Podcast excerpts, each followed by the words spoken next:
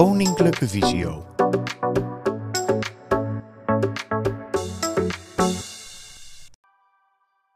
Nou, goedemiddag allemaal. Welkom bij de bijeenkomst over koken.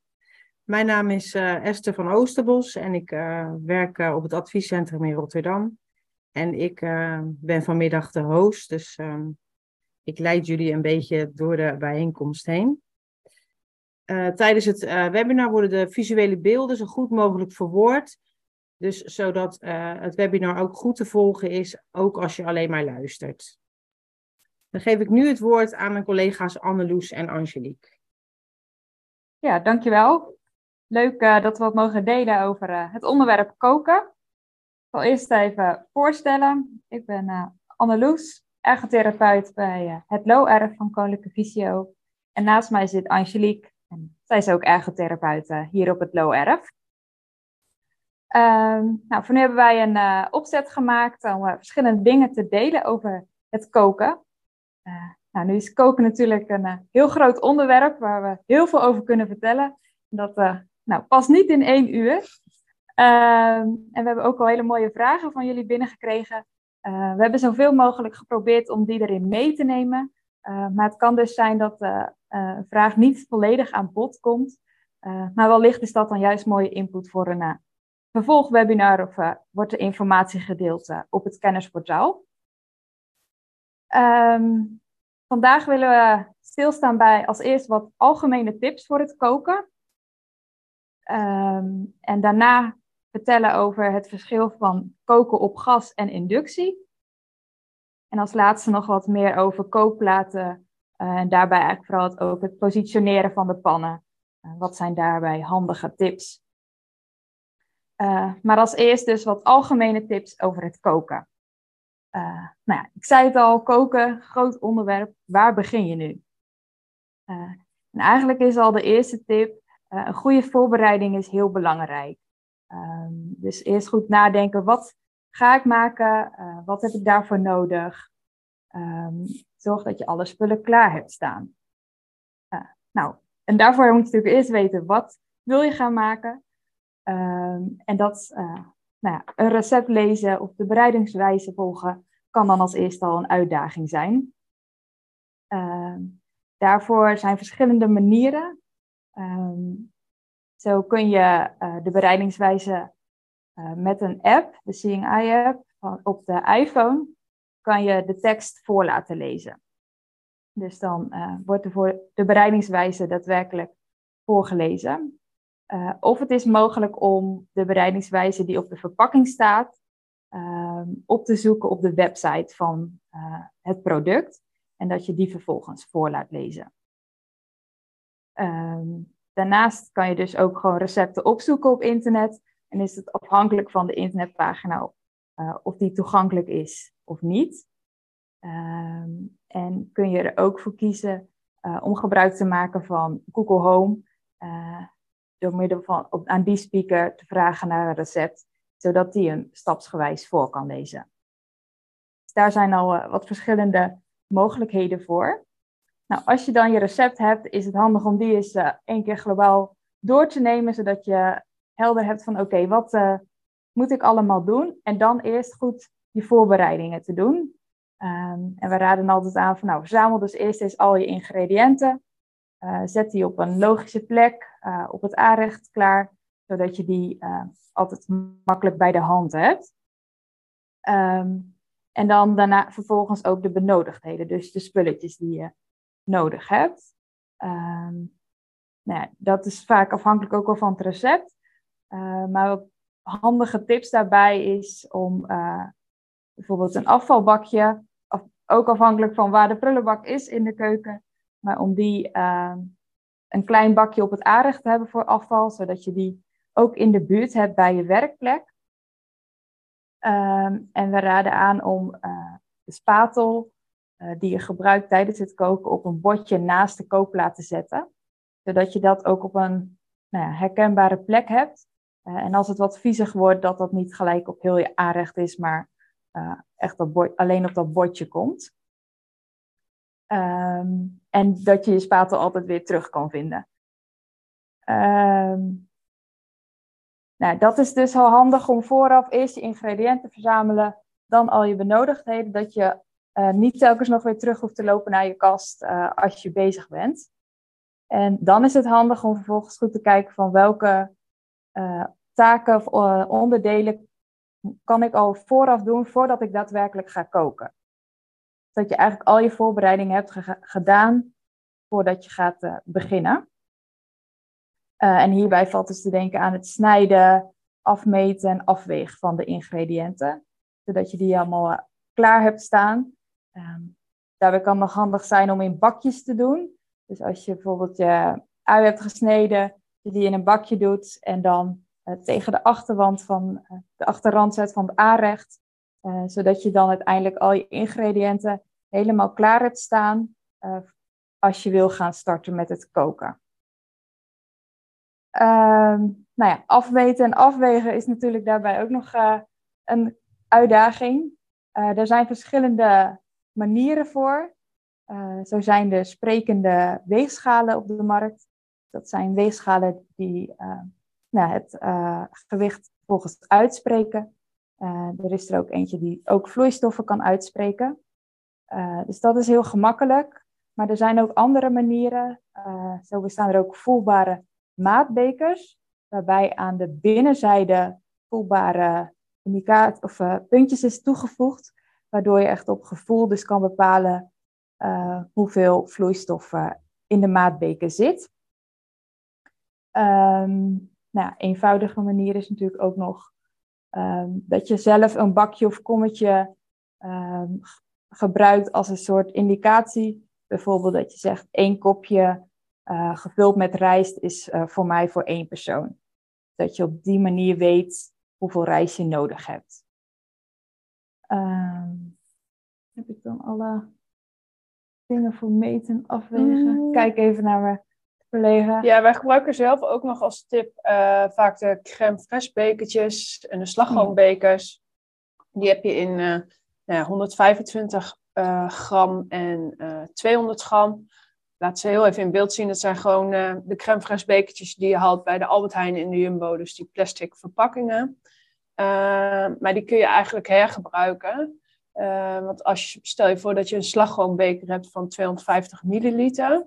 Uh, ja, dan past daar dus ook 250 milliliter water in. Andere soort vloeistoffen.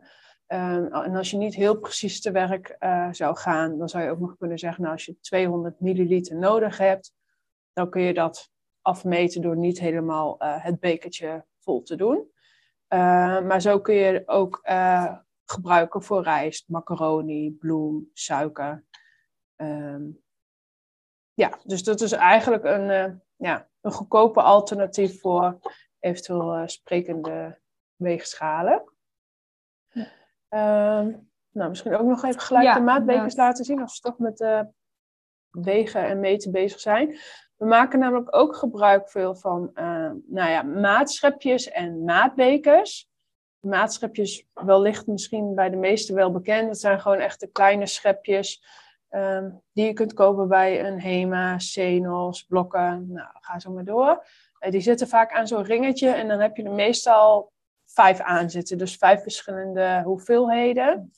Uh, en dat gaat vanaf een, volgens mij, een snufje op een theelepel tot aan een eetlepel. En een andere variant zijn de maatbekers. Die zijn weer net iets groter. Eigenlijk ook vaak uh, met z'n vieren aan een uh, sleutel, uh, ja, aan een ring. En ja, het wisselt een beetje per winkel hoeveel milliliter erin gaat. Maar bij ons past in de grootste past bijvoorbeeld 200 milliliter. En in de kleinste past 75 milliliter. Dus op deze manier kun je ook nog gebruik maken van het afmeten van vloeistoffen. Ja. dus daar zijn ook verschillende manieren voor, uh, voor het meten en afwegen. Um, nou, net noemde ik ook al even kort uh, snijden. Dat is ook iets handig om vooraf te doen. Uh, maar hoe doe je dat? Uh, nou, voor het snijden zijn ook verschillende hulpmiddelen. Als eerste hebben we de ui, of ja, het heet een uishopper. Maar eigenlijk hebben we ontdekt dat er heel veel andere groenten ook in kan. Um, Angelique houdt hem nu in beeld. Uh, het is eigenlijk een plastic bak met een deksel die je eraf kan draaien. En uh, dan vervolgens in, in die plastic bak zit een staafje met allemaal ja, mesjes. Nou, ik eigenlijk zeg maar als takjes naar de, de randen toe. En die plaats je dus in het midden van het bakje. En dan kun je vervolgens dus stukken groente toevoegen in dat bakje. En dan de deksel erop doen. En dan op die deksel zit een handvat.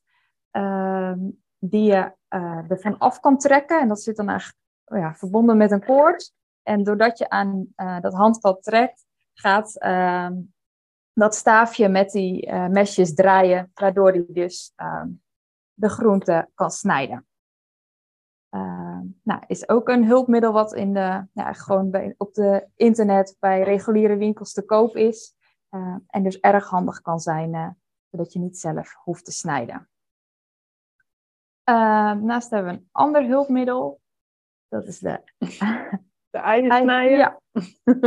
dus, daar kan je heel mooi je ei in leggen en dan... Um, ja.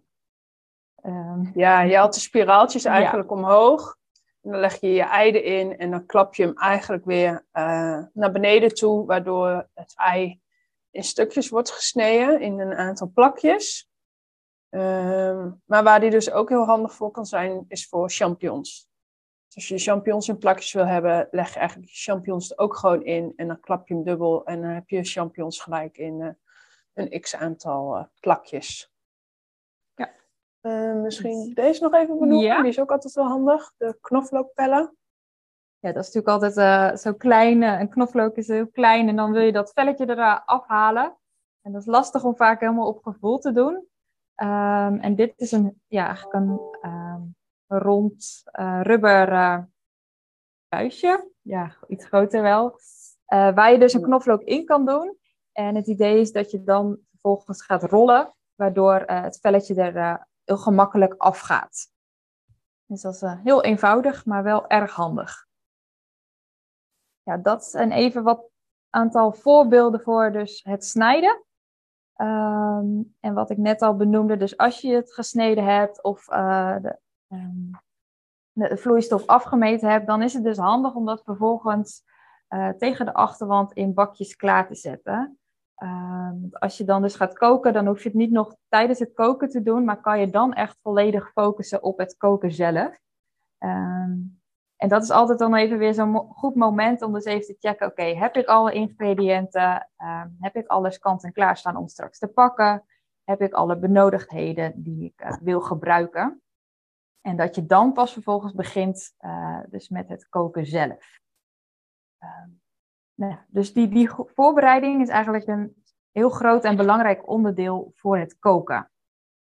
Um, heb jij op dit deel nog aanvullingen? Ja, ik zit even tussen de vragen te kijken, want er zijn een aantal mensen die hebben gevraagd over het doseren van kruiden. En hoe weet ik uh, bijvoorbeeld of melk op het kookpunt is? Nou, het doseren van kruiden, daarvoor maken wij veel gebruik van dus de maatschepjes de, de maatlepeltjes. Ja. Uh, want vaak staan er wel bij recepten een halve eetlepel of uh, één theelepeltje. Of, nou ja, dat kun je dus heel makkelijk met die maatschepjes doen. Uh, en een andere variant is om het op je hand te leggen. En dan, als je dat zeg maar gewoon vaker doet, dan word je daar vaardig in. En dan weet je op een gegeven moment of je de juiste dosering hebt. maar de maatschepjes zijn daarin denk ik wel het denk persoonlijk het fijnst. Ja, en als je het dus op je hand legt, dat je dan even met je andere vingers kan voelen van hoeveel ligt er nou ja. daadwerkelijk op mijn hand. Ja, en nou hè, krijgen we ook nog de vraag van hoe weet ik bijvoorbeeld of melk op het kookpunt is. Nou, um, daar heb je een melkwacht voor. Ja, ik laat hem nu in beeld zien, maar hij is uh, van glas, dus ik weet eigenlijk niet of die goed te zien is. Het is eigenlijk een dikke onderzetter. Uh, ja, die grote. Ja, dikke onderzet. Ik zeg altijd een ondiepe asbak ook wel, want er zitten ook nog twee gleufjes in mij eventueel een sigaret in kan leggen. Maar uh, wat je doet met dit glazen plaatje is die leg je onder in de pan. En zodra het, de melk of het water begint te koken, dan begint die op en neer op de bodem te rinkelen. En dat hoor je heel duidelijk. Dus zodra dat begint te rinkelen, weet je gewoon, oké, de melk uh, is aan de kook. En uh, het vuur, in ieder geval de kookplaat, kan uit. Uh, wij adviseren hem ook nog wel eens voor mensen die dus de, het water niet goed kunnen horen koken. Daarbij kun je hem ook gebruiken. Alleen, dan is het enige nadeel dat als je hem erin laat zitten in de pan, terwijl de macaroni of rijst of wat dan ook erin zit, dan hoor je hem continu rinkelen. Uh, dus vaak is het dan wel prettig om hem uit de pan te halen. En dat kan misschien een lastigere opgave zijn. Ja, ik zit even te denken. Misschien moeten we maar. Uh, naar de vraag ja. zijn over dit uh, onderdeel. Er zijn nog geen vragen binnengekomen. Nou, dan zijn we tot nu toe duidelijk. Dat is ja, mooi. ja. Um, nou, dan gaan we, als jullie nog geen vragen hebben, gewoon door naar het volgende puntje. En mochten er toch vragen zijn, uh, er komt straks nog een vragenblok. Dus dan is er alsnog ruimte voor de vragen. Ja, en die ehm, vragen kunnen mensen dus gewoon tussendoor al stellen via die Q&A. Dat, dat typen ze dan die vraag. En in het vragenblokje gaan we ze dan beantwoorden. Ja. Ja. ja. Um, we wouden even een aantal uh, voor- en nadelen benoemen van het koken op gas en of inductie. Um, we hebben keramisch en elektrisch weggelaten, omdat dat eigenlijk wel uh, eigenlijk bijna niet meer voorkomt. Uh, maar om het toch nog even te benoemen, uh, de verschillen gas is als vuur. keramisch is een kookplaat die lang warm blijft. Uh, en niet snel afkoelt. En daar werd vroeger heel veel, vroeger, nou ik denk een paar jaar geleden nog wel heel veel op gekookt. En elektrisch is denk ik wel bij uh, iedereen uh, bekend. wij gaan het even wat meer hebben over gas en inductie. Um, nou, als eerste even de voordelen van het koken op gas. Um, er is een directe reactie van de kookbron bij het variëren tussen de verschillende standen. Dus hè, zodra je, uh, je je fornuis omhoog zet of omlaag, uh, het reageert meteen. Uh, nou, de inhoud van de pan wordt relatief snel warm. En de pan is relatief makkelijk neer te zetten. Ehm, wat we hierbij wel adviseren is ehm, om eerst de pan goed te positioneren. En over het positioneren van pannen komen we zo meteen ook nog op terug wat betreft inductie. Maar als we het over gas hebben, adviseren we altijd om eerst de pan neer te zetten voordat je hem aanzet. Um, zodat je aan de onderzijde eerst goed kunt voelen, hey, staat de pan daadwerkelijk in het midden? En dat voel je aan de, ja, hoe heet dat? Aan de rekjes. Ja, het rooster. Aan het rooster, ja. Het rooster wat over de pitten heen zit, zeg maar. Daar voel je vaak wel aan of de pan in het midden gepositioneerd is. Um, nou, je kunt goed controleren of het gas aanstaat of niet. En dat uh, kan zonder zicht. Um, want um, ja, je kunt, als je blaast, dan stel dat het vuur aanstaat, dan hoor je daadwerkelijk een windje. En staat het vuur niet aan, maar hoor je toch wat, dan betekent dat dat alleen het gas aanstaat. Uh, nou ja, een nadeel van gas kan zijn dat eventueel als je reukvermogen minder is, dat je het gas niet ruikt of minder ruikt. Dus dat kan misschien een gevaar zijn. Um, de pan kan wat instabieler op het rooster staan. Dus hè, in eerste instantie positioneer je hem wel goed op het rooster door goed te voelen.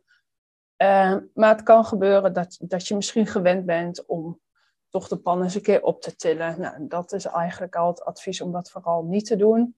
Uh, of als je hem net iets meer aanstoot, dat hij dan net wat wankelig op het rooster gaat staan. Um, en een gasfornuis is vaak wat lastiger schoon te maken. Dus dat zijn denk ik de grootste ja. nadelen wat betreft gas. Ja, en inductie. Uh, daarmee, uh, bij koken met inductie verwarm je de bomen van de pan door elektromagnetische stralen. Uh, en hoe werkt dat nou eigenlijk? Een inductiekookplaat reageert op de pan. Dus zodra je de pan optilt, uh, wordt de inductie warmtetoevoer uitgeschakeld totdat je de pan er weer opzet. Ehm, dus ja, zegt het eigenlijk al, hè, als je de pan afhaalt, uh, dan ja, hij schakelt zichzelf niet uit. Maar hij stopt wel met het doorvoeren van de warmte. nou, de voordelen van koken op inductie is eigenlijk ook de eerste is eigenlijk hetzelfde als het koken op gas. Dus zet hem uh, op stand 5 en hij reageert ook gelijk op stand 5. Zet hem naar 9, dan reageert hij ook gelijk op 9. Dus nou, er is een directe reactie. En uh, de inhoud van de pan wordt ook zeer snel verwarmd. Uh, het voordeel is dat de platen heel snel afkoelen. Deze staat er met name ook in als voordeel, omdat dus bij elektrisch en keramisch is dat zeker niet het geval. Daar blijft de kookplaat nog heel lang warm. Um, ja, het brandgevaar is niet heel. Je hebt bij gas natuurlijk te maken uiteindelijk wel met open vuur. Uh, met inductie heb je dat niet. En uh, ja, er staat hier ook nog: de bediening is over het algemeen eenvoudig, mits je draaiknoppen hebt of uh, de toetsen gemarkeerd kunnen worden. Uh, we kennen inmiddels, uh, er zijn echt uh, tig inductiekookplaten op de markt, waarvan denk ik ehm, de, de, de toetsen steeds anders worden. Je hebt slide-bediening, je hebt ehm, gewone tiptoetsen. je hebt nog dat je eerst een combinatie moet maken voordat je een pit aan kan zetten. Nou, die zijn allemaal minder handig. Maar de eenvoudige uh, uh, inductiekookplaten met draaiknoppen, ja, die zijn natuurlijk ideaal om uh, te bedienen. Ja, en dat je dan ook natuurlijk exact, nou, vaak met cijfers werkt. En dat is bij gas natuurlijk onnauwkeurig. Um, dat je hoog of laag zet, of in het midden. Wat is dan in het midden? Dat is vaak wat minder ja. Nauwkeurig. Ja. Nou, en het fijne van de inductiekookplaat is dat je hem ook zo schoonmaakt. Je doet er even een doekje overheen en de kookplaat is schoon. Dus dat is ook wel echt uh, wel heel ideaal. Um, zijn er dan ook nog nadelen aan inductie? Uh, die zijn er nog wel, grotendeels denk ik. Met name het nadeel dat, ehm, dat je krachtstroom nodig hebt. Dus je moet je, ehm, nou wat stom, ik kom niet op de naam, je stopkast, je meterkast moet je uh, aanpassen, want je hebt een extra groep nodig. Um, maar nou is het zo dat er tegenwoordig ook wel één- en twee fase inductiekookplaten op de markt zijn. Um, dus daar hoef je niet die drie fase krachtstroom voor te hebben. Alleen daarbij is dan wel het nadeel uh, dat als jij bijvoorbeeld uh, twee pitten gaat gebruiken en je wil ze allebei op stand 8, dat kan dan niet met één of twee fasen. Dus dan wordt de kracht verminderd. Dus dan duurt het net wat langer voordat het kookt. Dus de inductiekookplaat werkt nog wel het meest effectief op uh, krachtstroom. En um, omdat je met een magnetisch werkveld zit, um, kan het zijn dat het voor mensen met een pacemaker ook uh, niet toegankelijk is. Dus dat is even iets wat je met je cardioloog dan zou moeten overleggen of het wel of niet mogelijk is. En uh, ja, je hebt, uh, je hebt andere pannen nodig. Je hebt pannen nodig met een magnetische bodem. Um, dus als je van gas overgaat op inductie, dan heb je gelijk even een nieuwe pannenset nodig. Maar goed, dat is ook weer kan een ook leuk zijn. Ja. um, volgens mij hebben we dan een beetje grotendeels alle voor- en ja. nadelen benoemd. Maar dan het stukje positioneren. Ja. Natuurlijk, uh, inductie is inderdaad heel fijn uh, schoonmaken dat het helemaal glad is. Uh, maar daardoor kan het soms juist wel lastig zijn om te weten waar staat mijn pan goed staat. Ja, daar zijn gelukkig ook wel wat hulpmiddelen Kijk. voor. um, het eerste hulpmiddel uh, wat op de markt is. En dan gaat Esther, als het goed is, even ook naar de foto toe. Maar dat is de Pandoermat. Um, dat is een gele mat die leg je over de inductiekookplaat heen. Waarbij je um, twee inhammen hebt voor um, de pitten. En twee rondjes voor waarbij je de pannen inzet. Um, ja, deze pandoermat is uh, ontwikkeld door ATAG. En helaas past hij ook echt alleen op de ATAG inductiekookplaat met draaiknoppen. Dus daar hebben ze goed over nagedacht. Ehm, maar hij werkt op zich wel ideaal voor het positioneren van pannen. Uh, het enige nadeel kan zijn, is dat als je. Ehm, je kunt alleen exact. Je kunt zeg maar in die rondes. Dus je hebt twee rondes waar de pit in zit, zeg maar. Daar kun je niet een grotere pan in zetten. Dus het kan niet groter zijn dan de ronding.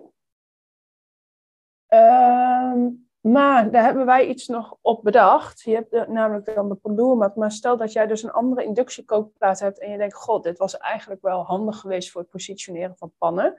Dan hebben we nog de bakmat. Ik ga het Anneloes even laten zien. Uh, we hebben een bakmat, is van siliconen ook, net zoals de pandoermat. En wij hebben hem geknipt op maat van de, uh, op maat van de pitten op de kookplaat.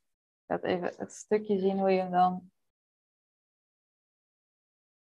de helft kan knippen.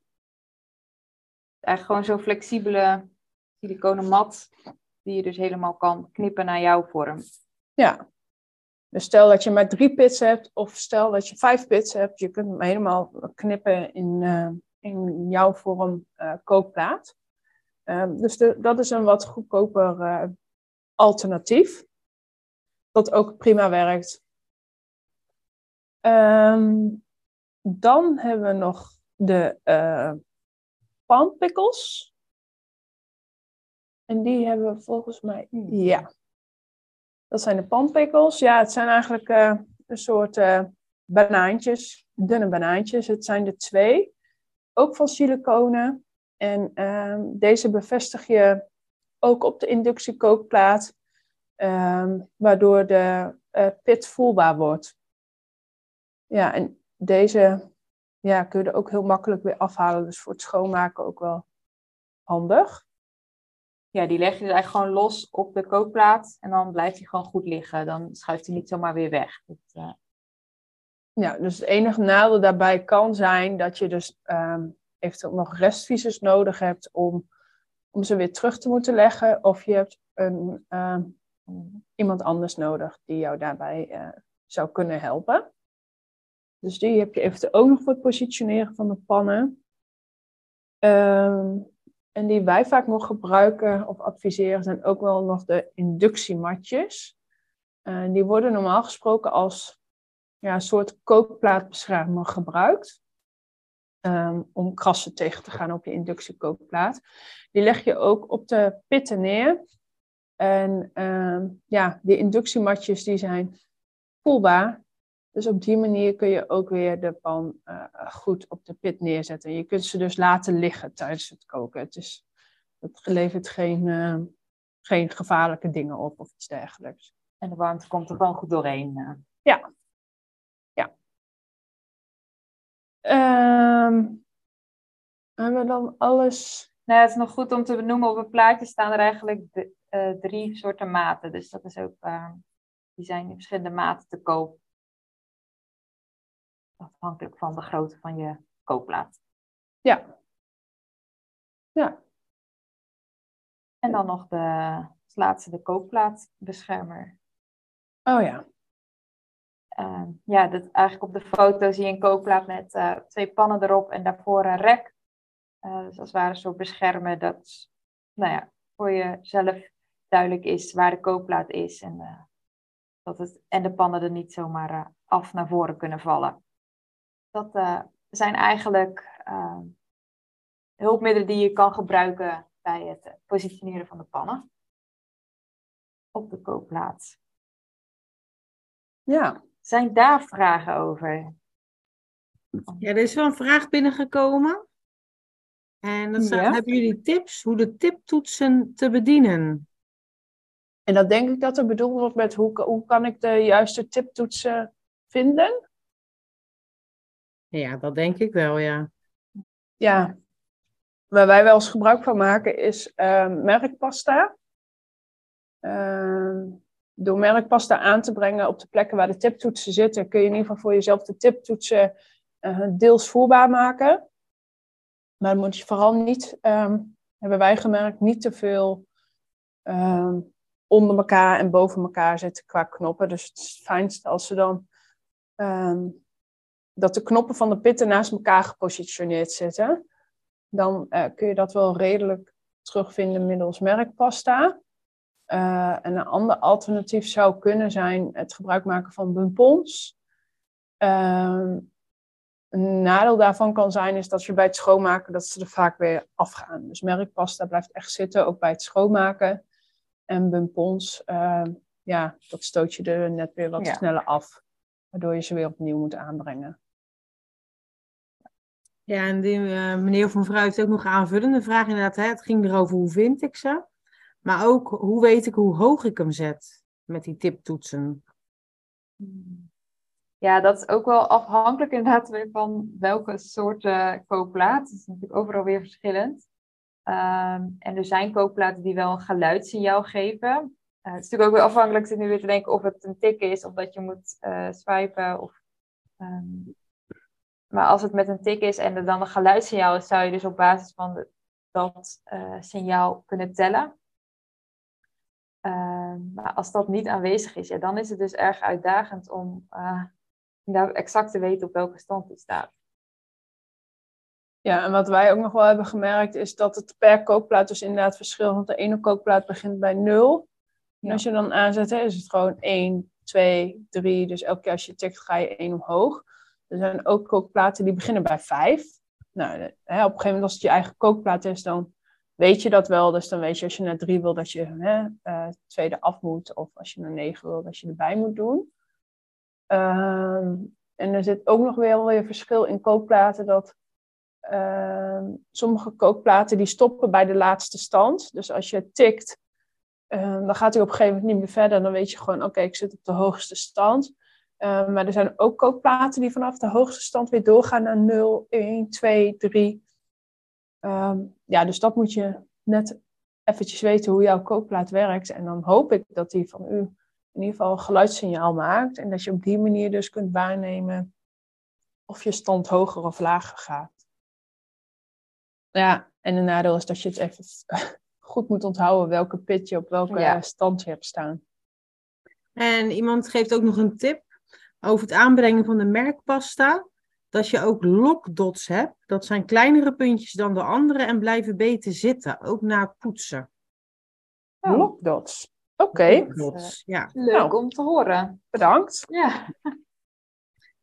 En iemand vraagt ook nog, wat is de gemiddelde prijs van inductie? En diegene, dat is Jos, wat is de gemiddelde prijs? En zit er ook geluid op? Ja, dat uh, is echt heel uiteenlopend. Ja. Dat is, uh, ja, ja, vind ik heel lastig benoemen. Want je, je hebt inductiekookplaten voor uh, 300 euro en je hebt ze voor zeg maar even wat hoor, 1500 euro. Dus dat loopt heel erg uit.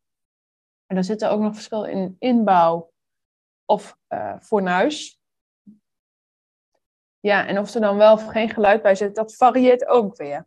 Dus um, ja, wat ik zelf meestal adviseer is als mensen over willen stappen naar inductie, um, ga echt bij een leverancier lang, langs. En ga echt ervaren. Benoem je visuele beperking en ervaar um, of je de knop goed kunt voelen, of je hem goed kunt bedienen, of je geluidjes kunt waarnemen. Gewoon echt even van tevoren checken hoe werkt die. Dus nou ja, volgens mij kunnen we daar niet echt een specifiek nee, antwoord dus, op geven. Nee. En inderdaad, daarbij verandert ook heel snel uh, het aanbod of uh, de functies van een inductiekookplaat. Dus dat is bijna niet bij te blijven wat dat betreft. Nee. Nou hebben wij wel zelf hier uh, in de keuken de kookplaat van ATAG. Dus de ATAG met draaiknoppen. Uh, die heeft ATAG destijds een keer inderdaad echt specifiek ontwikkeld voor mensen met een visuele beperking. Uh, dat is een vrij eenvoudige nou, kookplaat, vier pits met vier draaiknoppen, negen standen. de draaiknoppen zijn voelbaar. hij geeft het signaal af als je de pannen eraf teelt. Um, en dan werkt dus eventueel samen met een pandoermat. Uh, maar voor die kookplaat betaal je volgens mij zo uit mijn hoofd rond de ja. 1029 of zo. Is die volgens mij. Uh, maar goed, dan heb je nog zoveel verschillende op de markt. Je zei ATAG, hè? Ja. ja. Ja, dat vraagt iemand nog een keer. A-T-A-G, ATAG. Ja. ja. Oké. En ATAG heeft ook een heel mooi experience centrum in Duiven? Duiven volgens mij inderdaad. En zij staan ook echt open als je op zoek bent naar iets nieuws. Dan kun je bij hun echt vrijblijvend gewoon uh, langskomen om eventueel te gaan ervaren. Verder zijn er tot nu toe geen uh, vragen meer. Oh, oké. Nou. Nou, dan uh, hebben we nog even wat tijd om uh, verder in te gaan op het koken zelf eigenlijk. we hebben het gehad over de voorbereidingen, over soorten kookplaten. Um, en dan willen we graag nog wat enkele losse tips delen voor als je aan het koken bent. Want dan heb je mooi al je voorbereidingen gedaan en dan kun je daadwerkelijk gaan koken. en wat zijn daar dan handige tips bij? Um, nou, als eerste, uh, in het begin noemde ik al heel even, leg je spatel, uh, dingen die je nodig hebt bij het koken op een bordje. En dat is ook handig voor tijdens het koken. Um, ik zeg eigenlijk wel eens, um, de spatel is tijdens het koken eigenlijk als het ware een soort tasstok. Uh, zodra het vuur aanstaat of de inductiekookplaat aan, dan is het daar warm. Dus dan wil je daar niet meer met je handen bij komen. dus als je je pannen goed hebt staan uh, en je het aan hebt gezet, dan is het handig om eigenlijk altijd met de spatel je pan te zoeken. En zodat je daarmee naar de uh, pan toe gaat en weet van oké, hier staat mijn pan. En als ik met de spatel in de pan ga, op zoek ga naar het midden van de pan, als je er iets in wilt toevoegen. want als je dan dus, nou ja, ik zei al, je hebt dan je bakjes klaarstaan met je ingrediënten en je wil bijvoorbeeld je rijst in de pan doen, dan kan het dus handig zijn om met de spatel naar de pan te gaan, midden op te zoeken en je spatel als ware in de pan te plaatsen en dan met je, het bakje rijst naar die spatel gaan en daar omdraaien. Zodat je dan zeker weet, ik um, doe de rijst in de pan. dat is uh, sowieso altijd een uh, handige tip. Uh, ja, en maak vooral gebruik van ruimere pannen. Dus neem niet een pan die net te nauw is of waarvan je net denkt, nou, dit past net. Want dan ga je heel krampachtig moet je dan gaan roeren en dan heb je een grote kans dat het alsnog over de pan gaat. Nou, ja. Daar zit je denk ik ook niet echt op te wachten. Dat is een goede. En inderdaad ook als je een uh, wokpan hebt uh, met een sausje en wat groentes door elkaar, uh, kan het ook handig zijn om met twee spatels te, eigenlijk soort om te scheppen naar het midden. Doordat als je met twee spatels werkt, dan heb je soms wat beter idee, gevoel van waar je bent in de pan en kun je de richting wat beter weten. Dus dat kan ook nog helpend zijn uh, bij het roeren in de pan. Ja, nou, wij adviseren ook nog wel uh, om uh, niet met de deksel op de pan te koken. met name omdat je de auditieve signalen wil opvangen. Dus je wil horen wat er in die pan gebeurt. En met een deksel hou je dat geluid eigenlijk wat meer tegen. En hetzelfde geldt eigenlijk voor een afzuiger. Nou worden ze volgens mij tegenwoordig wel steeds stiller. Maar een afzuiger maakt ook nog wel aardig veel lawaai. Dus dat houdt ook eigenlijk de auditieve signalen weer wat meer tegen. Uh, dus zet deze vooral aan bij de onaangename geurtjes zoals ui en knoflook en uh, nou ja, noem maar op. Uh, maar zet hem eventueel daarna ook weer uit, zodat je in ieder geval weer uh, daarna de geluiden goed kunt waarnemen. Ja, um, nou, ik noemde net al even rijst in de pan doen. Nou, daarvoor moet je natuurlijk water in de pan hebben zitten uh, om te laten koken.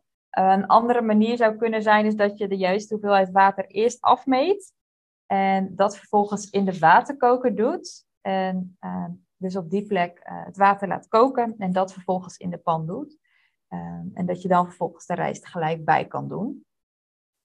dus dat je niet eerst het water op het vuur of op de kookplaat hoeft te laten koken.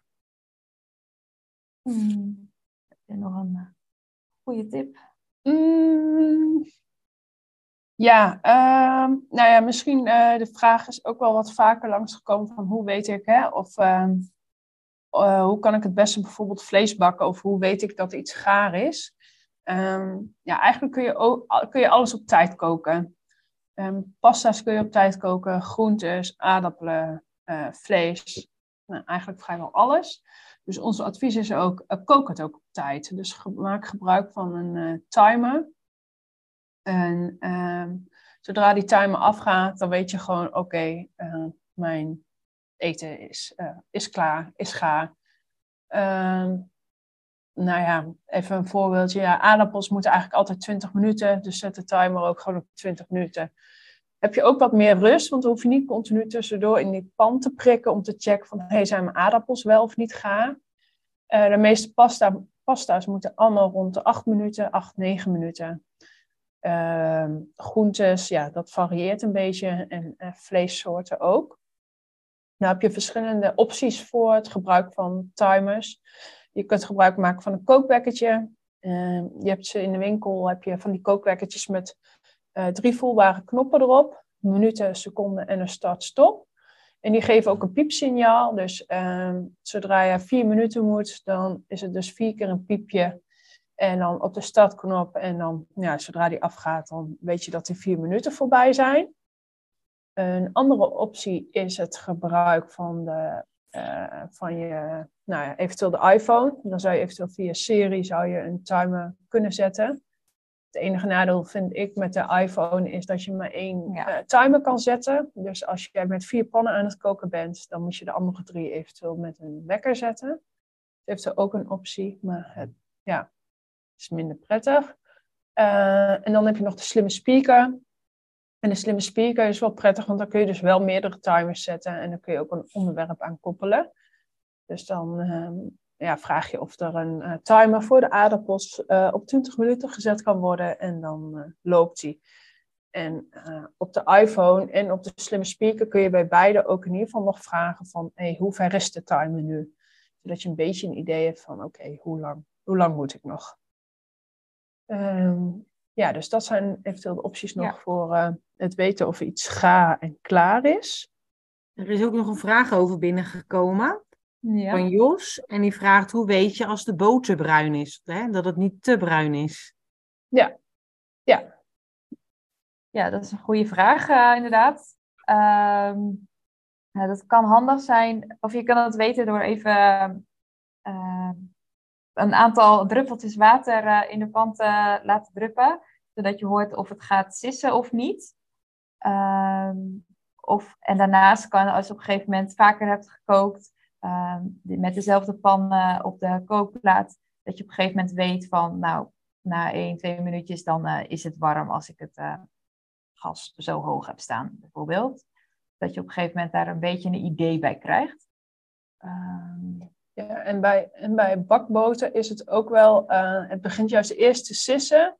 En als het stopt met sissen, dan is de boter warm. En olie is inderdaad ook eventueel de optie wat Annelies net aangaf, met eventueel druppeltjes water of misschien een klein stukje ui of wat dan ook uh, in de pan. En als je het dan hoort knetteren, dan is het inderdaad ook warm. Ja. Nou, misschien nog het doseren van boter en olie. Ja. Uh, dat is vaak ook wel een lastige. Uh, nou, je hebt natuurlijk gewoon de, de, de blokboter. Daar snij je een stukje van af en dan voel je wel hoe groot stuk je hebt afgesneden, of dat voldoende is. Uh, je hebt tegenwoordig ook bijna al, eh, bakboter uh, veelal in van die knijpflessen. En nou kan het zijn dat je gewoon een aantal seconden in de fles knijpt. En dat je dan nou ja, ongeveer weet hoeveel je hebt. Maar dat is altijd wel een risicootje. Uh, want je hebt of vaak te veel, zien we, of uiteindelijk vaak toch te weinig, omdat of de fles bijna leeg is, of nou ja, er is vaak wel een reden voor waarom er dan te weinig uitkomt. Uh, dus wat wij wel eens adviseren is om olie of überhaupt vloeibare spullen, dus dat kan ook ketchup zijn of uh, sojasaus, nou, noem maar op, om die in potjes te doen. Uh, met een draaidop. En dat je dan gebruik maakt van maatschepjes. Dat je, dus dat je door middel van maatschepjes uh, de hoeveelheid boter en of olie in je pan doet. En dan weet je in ieder geval altijd dat je voldoende hebt. Ja, ja dus dat kan gewoon een oud jampotje zijn. Dat, uh, dat je daarvoor kan gebruiken. Ja. Mm, hebben we al veel verteld, veel verteld. Zijn er over het algemeen nog vragen? Nou, ik denk het Er niet. komt nog niks binnen. Nee. Nee. Nou, ik ben even aan het denken of er verder nog. ehm, Ja, er is nog een vraag binnengekomen van hoe vind ik alles snel in de voorraadkast? Ehm, nou, daarvoor wil ik je in ieder geval misschien ook even verwijzen naar een artikel op het kennisportaal. Daar wordt zo meteen nog even wat meer over benoemd. Ehm, en er staat in ieder geval een heel artikel over van, eh, nou, hoe kan ik het beste mijn keuken inrichten? Het is een beetje afhankelijk, ehm, denk ik ook van wat je restvisus is. Ehm, of, je, of je die nog hebt of niet. Eh, wij maken in onze kasten veel gebruik van ehm, voorraadbakken. En die kun je natuurlijk ook merken. Dus die zou je kunnen merken op spraak, die zou je kunnen merken met braaien. Ehm, of eventueel, als je nog een redelijke restvisus hebt, zou je dat eventueel met grote letters ook nog eh, Ja. zichtbaar kunnen maken. En met vaste plekken werken, dat is denk ik wel een eh, belangrijke daarin. Ja, en wat je dan dus eh, veel gebruikt vooraan te zetten, zodat je daar gemakkelijk bij kan. En nog aanvulling bij die voorraadbakken kan het ook handig zijn om juist verschillende vormen voorraadbakken te hebben. Dus dat je de rijst in nou, het is een vierkante gebak hebt en de macaroni in een ronde bak. Dat je daar op die manier weet eh, wat in welke bak zit. Is er nog een vraag binnengekomen? Hoe weet je of iets, bijvoorbeeld aardappelschijfjes of een ei, of je die echt hebt omgedraaid? Ja, dat blijft altijd, eh, ja. eh, dat blijft altijd echt een lastige. Ehm, misschien dat Anneloes daar de geniale tip voor heeft, maar ehm, ik heb hem eigenlijk niet. Nee, ik merk wel vaak ehm, dat het te oefenen wel helpt. Dus door het vaker te doen, dat het dan wel gemakkelijker wordt. Dat wel. Ehm, Ja, en wij gebruiken een, eh, ja, vaak voor het omdraaien van vlees adviseer ik in ieder geval vaak de, een knijpspatel. Dus een spatel die, eh, ja, ik eh, pak hem, ja, zal ik hem even bijpakken? ja, dat kan. Laten we hem heel even zien. Zeg maar een spatel die dus een, eh, ja, die eigenlijk twee spatels heeft. En je kunt dus het vlees ertussen klemmen. En het voordeel daaraan is dus als je het eenmaal het vlees ertussen hebt geklemd en hem dan omdraait en hem dan weer loslaat, dat vaak dan, dan weet je in ieder geval vrijwel zeker dat je hem helemaal hebt eh, omgedraaid. En is dat voor een ei dus bijvoorbeeld weer... Ja. Een ei is daar te slap voor vaak om dan volledig om te kunnen draaien. Maar inderdaad, een hamburger of een stukje vlees eh, is daar heel geschikt voor. Ja, een ei zou je dan nog weer, eh, net zoals een pannenkoek, eventueel eh, een bord of een deksel zeg maar, op de koekenpan kunnen doen. Zodat je hem eerst omdraait en dan vanaf de deksel of het bord laat je hem weer in de pan glijden. Dat zou nog kunnen. Dan weet je ook zeker in ieder geval als je het ei hebt omgedraaid. En eh, Wilma geeft nog even aan, dat ging over de vloeibare boter afmeten, dat dat met een maatlepeltje kan. Maar dat bedoelden jullie ook wel, hè, net? Dat je het eerst in een potje doet en vanuit daar Ja, Ja, ja. het maatlepeltje gebruikt. oké. Ja. En eh, Lies die zegt nog eh, over de tang. Dit noemen wij in België een omkeertang. Nou, nou heel logisch. dat was duidelijk, ja. En eh, ja, Jos vraagt nog, wat vinden jullie van het gebruik eh, van de airfryer? Ja, Dat is een hele goeie. Eh, die komt natuurlijk inderdaad steeds meer op de markt. En eh, ja, daar kun je inderdaad heel goed gebruik van maken voor bij het koken.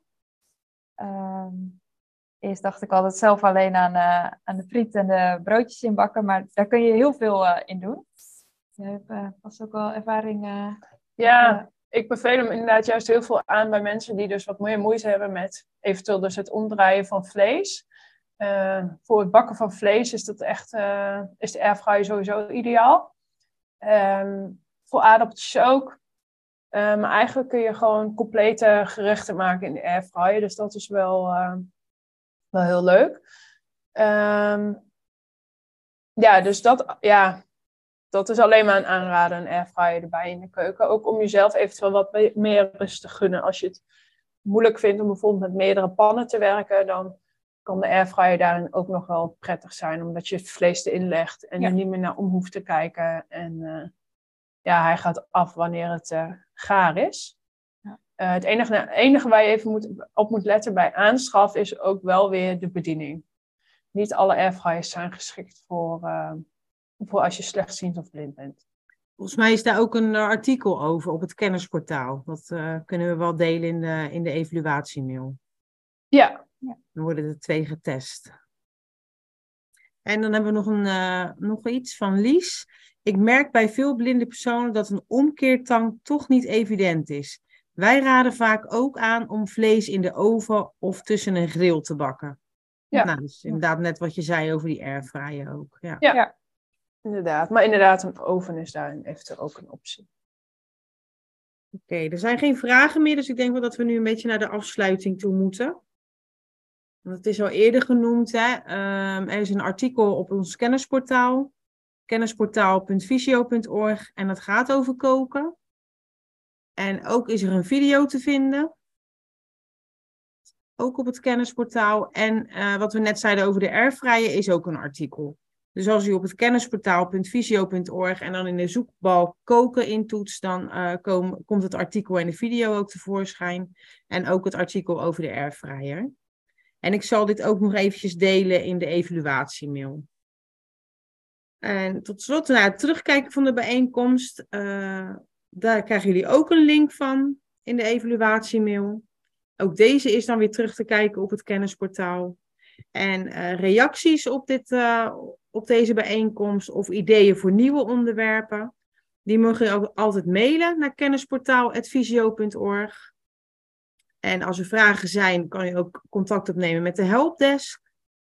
En uh, u ontvangt dus een evaluatiemail waar we ook een enquêteformulier in uh, bij doen. En ja, daar kan u ook tips, opmerkingen, ideeën nog in kwijt. En ik zie nu toch dat er nog wat binnenkomt. ah, de mensen zeggen allemaal dankjewel. nou, graag gedaan. Ja, graag gedaan. Jullie bedankt voor uh, jullie interesse. Ja, iedereen bedankt en uh, nou ja, graag tot een volgende bijeenkomst. Vond je deze informatie nuttig? Kijk dan eens op kennisportaal.visio.org voor meer artikelen, instructies en podcasts. Heb je een vraag? Stuur dan een mail naar kennisportaal.visio.org of bel naar 088 585 5666. Wil je meer weten over de dienstverlening van Koninklijke Visio? Ga dan naar www.visio.org. Koninklijke Visio, expertisecentrum voor slechtziende en blinde mensen.